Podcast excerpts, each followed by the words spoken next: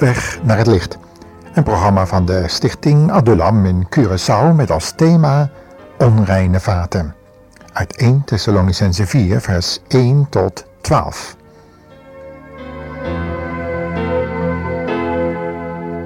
Nowhere to run, nowhere to.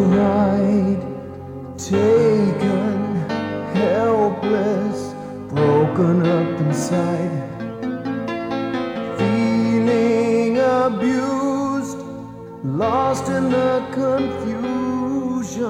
Disguise the shame, consume the blame, but nothing feels the same.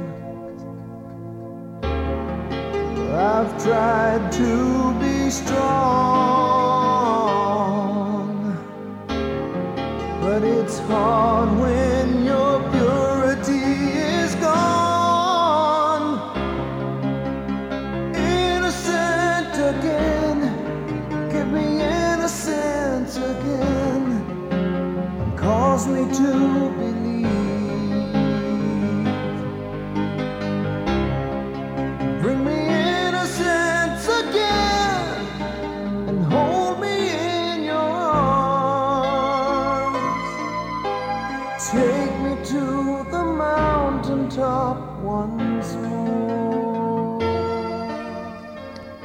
stond bekend als een actieve christin.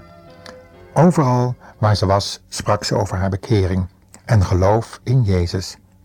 Het leek er echt op dat hij de Heer was van haar hele leven. Sommigen vonden haar dweperig en noemden haar fundamentalistisch. Of riepen haar na dat ze een Bijbelfriek was of een Jezusfriek. Het leek haar niet te deren. Ze bleef getuigen, totdat het uitkwam.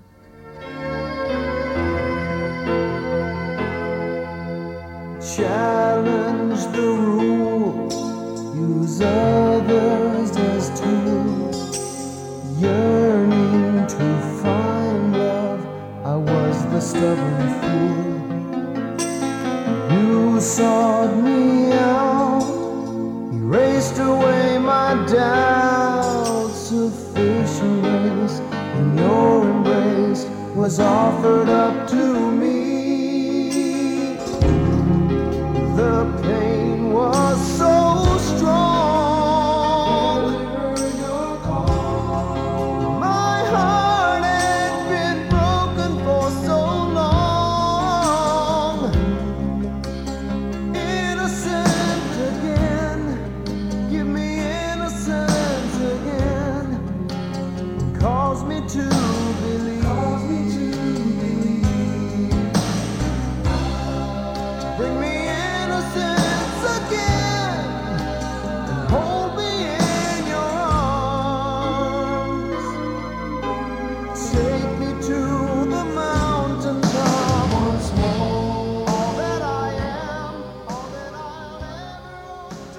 Op een dag bleek ze zwanger.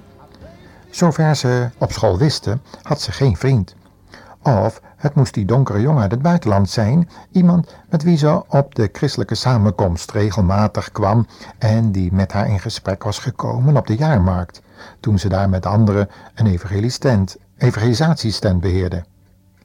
De laatste maanden was ze overigens eh, opvallend stilgebleven. En haar ogen stonden ook niet meer zo open en vrolijk. Ze leek zorgen te hebben. Dat kon je duidelijk zien. Hoe was dat zo, zo gekomen?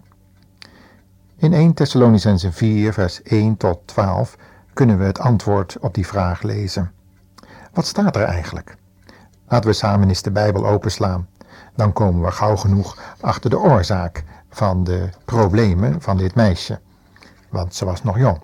En ze had, hoewel ze een baan had en ook wel af en toe de school bezocht nog voor een bijstudie, was het toch zo dat zij nog midden in het leven stond. Daar staat in 1 Thessalonicense 4, broeders, wat uw dagelijks leven betreft, vragen wij u dringend in de naam van onze Heer Jezus Christus om u zo te gedragen dat God er vreugde aan beleeft.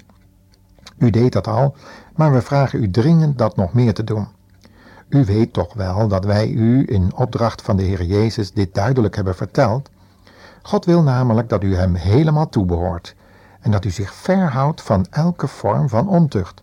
Ieder van u moet zijn lichaam beheersen, zijn vat, zodat het niet onteerd wordt, maar aan God toebehoort.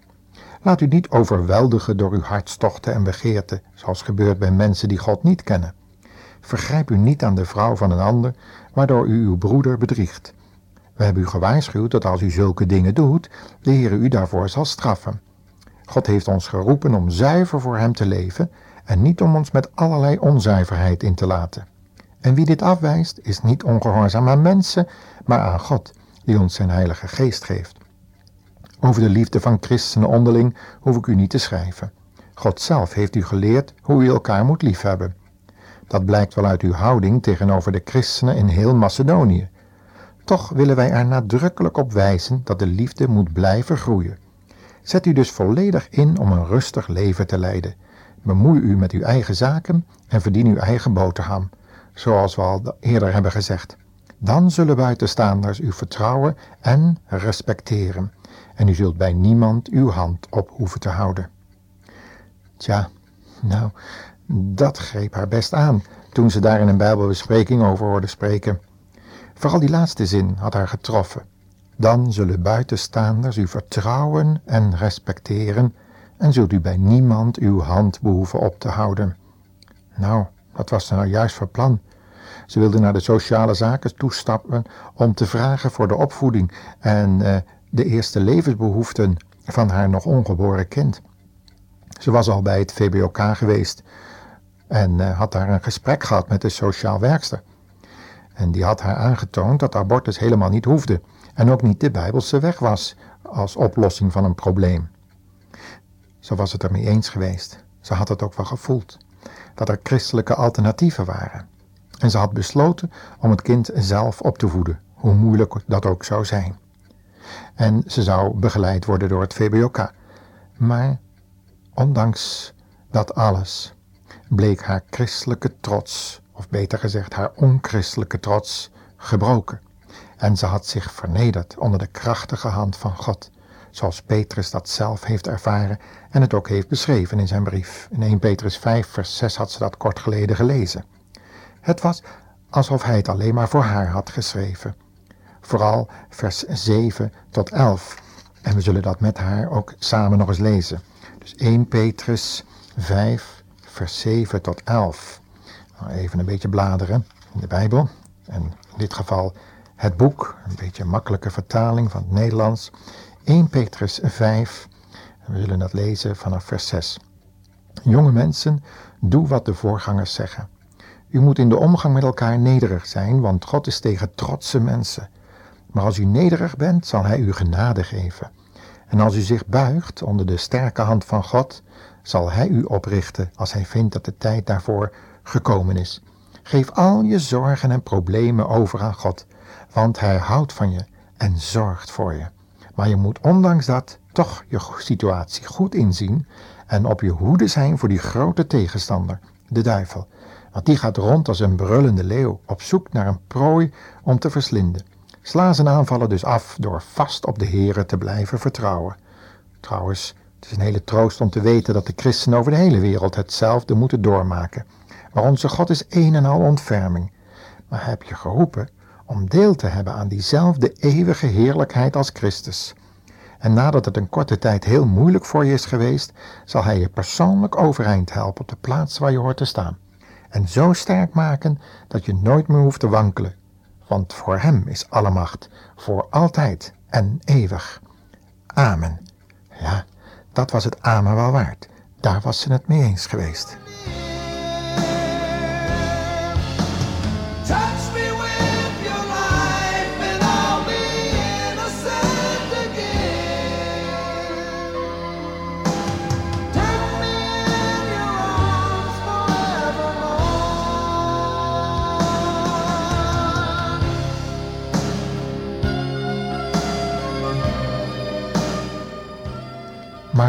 Verder?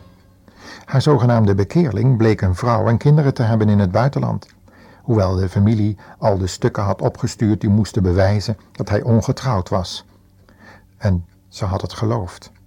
Maar bij nader onderzoek bij de vreemdelingenpolitie was aangetoond dat die stukken vals waren. Waardeloos, leugenachtig. Ze voelde zich bedrogen. Was dat nou bekering? Maar tegelijkertijd voelde ze haar eigen trots en onafhankelijkheid. Ze had deze jonge man lange tijd op de kamer gehad. In het begin waren het bijbelstudies geweest. Maar toen, ja, toen was ze in de strik gevallen van het zogenaamde, zoals dat wel genoemd wordt, evangelisch vrije. En van het een was het ander gekomen.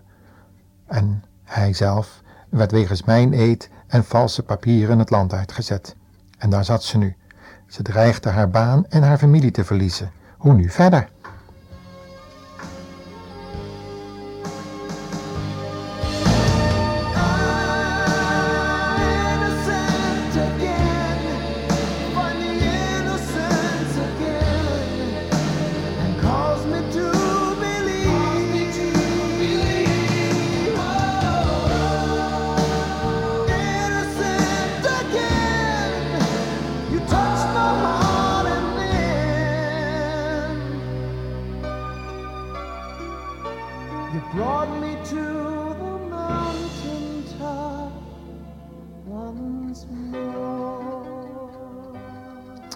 Had enkele oudsten uit haar gemeente geroepen. En toen ze zich zo beroerd en ziek voelde, had ze de troost van die aanwezigheid ervaren. Jacobus 5, vers 13 tot 20 was voor haar gaan spreken. En een van de oudsten had gevraagd of hij het voor mocht lezen. Ze wist de teksten nog goed te herinneren. En we zullen samen met haar eens in de Bijbel bladeren, in dit geval, zoals al gezegd, uit het boek. En daar staat het volgende. Vanaf vers 13 dus. Als iemand van u het moeilijk heeft, laat hij dan bidden. Als iemand opgewekt is, laat hij een lied voor de Heer zingen. Als iemand ziek is, laat hij de voorgangers van de gemeente vragen bij hem te komen om met hem te bidden en hem namens de Heere met olie te zalven. Als zij in geloof bidden, zal de zieke genezen worden. De Heere zal hem gezond maken. En als hij gezondigd heeft, zal de Heere het hem vergeven. Beken daarom uw zonde aan elkaar en bid voor elkaar. Want als een goed en rechtvaardig mens voor iets bidt, dan zal het zeker ho- gehoord worden door God. Dat heeft een geweldige uitwerking. Elia was toch een gewoon mens, net als wij, en hij vroeg God of hij geen regen meer op het land wilde laten vallen. En drieënhalf jaar lang viel er geen druppel regen meer. En dat was er iets geweldigs. Het land werd weer fris en groen na dat gebed. En broeders, als een van u niet langer met de Heere leeft, moet u hem weer bij de Heere terugbrengen. Als u iemand van de verkeerde weg terugbrengt, redt u hem van de dood en bedekt u al zijn zonden.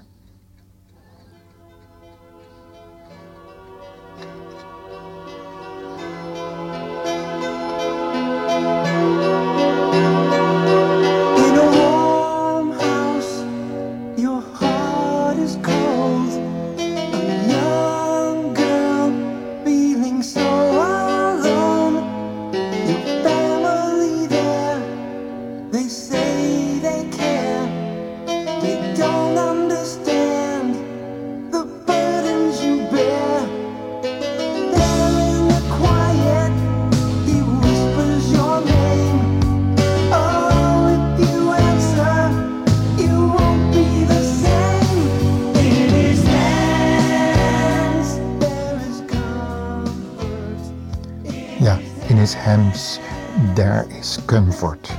In his arms daar is comfort. Ten slotte was daar dat zondaarsgebed uit haar hart. En het was ook uit haar lippen gekomen. Ze hadden haar in de naam van de Heer Jezus in de genade van God opgedragen. Het had geholpen. Ze kreeg weer vrede. En later kwam de blijdschap en de zekerheid van vroeger weer terug. Alleen was ze in haar getuigenis nu heel wat voorzichtiger geworden. Ook met dat zogenaamde andere geslacht. Ze zorgde ervoor dat ze niet lang alleen was met een jongen op haar kamer. En dat er altijd iemand ongevraagd binnen kon lopen. Ja, God was goed voor haar. En ze prees de Heer Jezus, die zoveel zonden, ook die van haar, had gedragen op het kruis van Golgotha.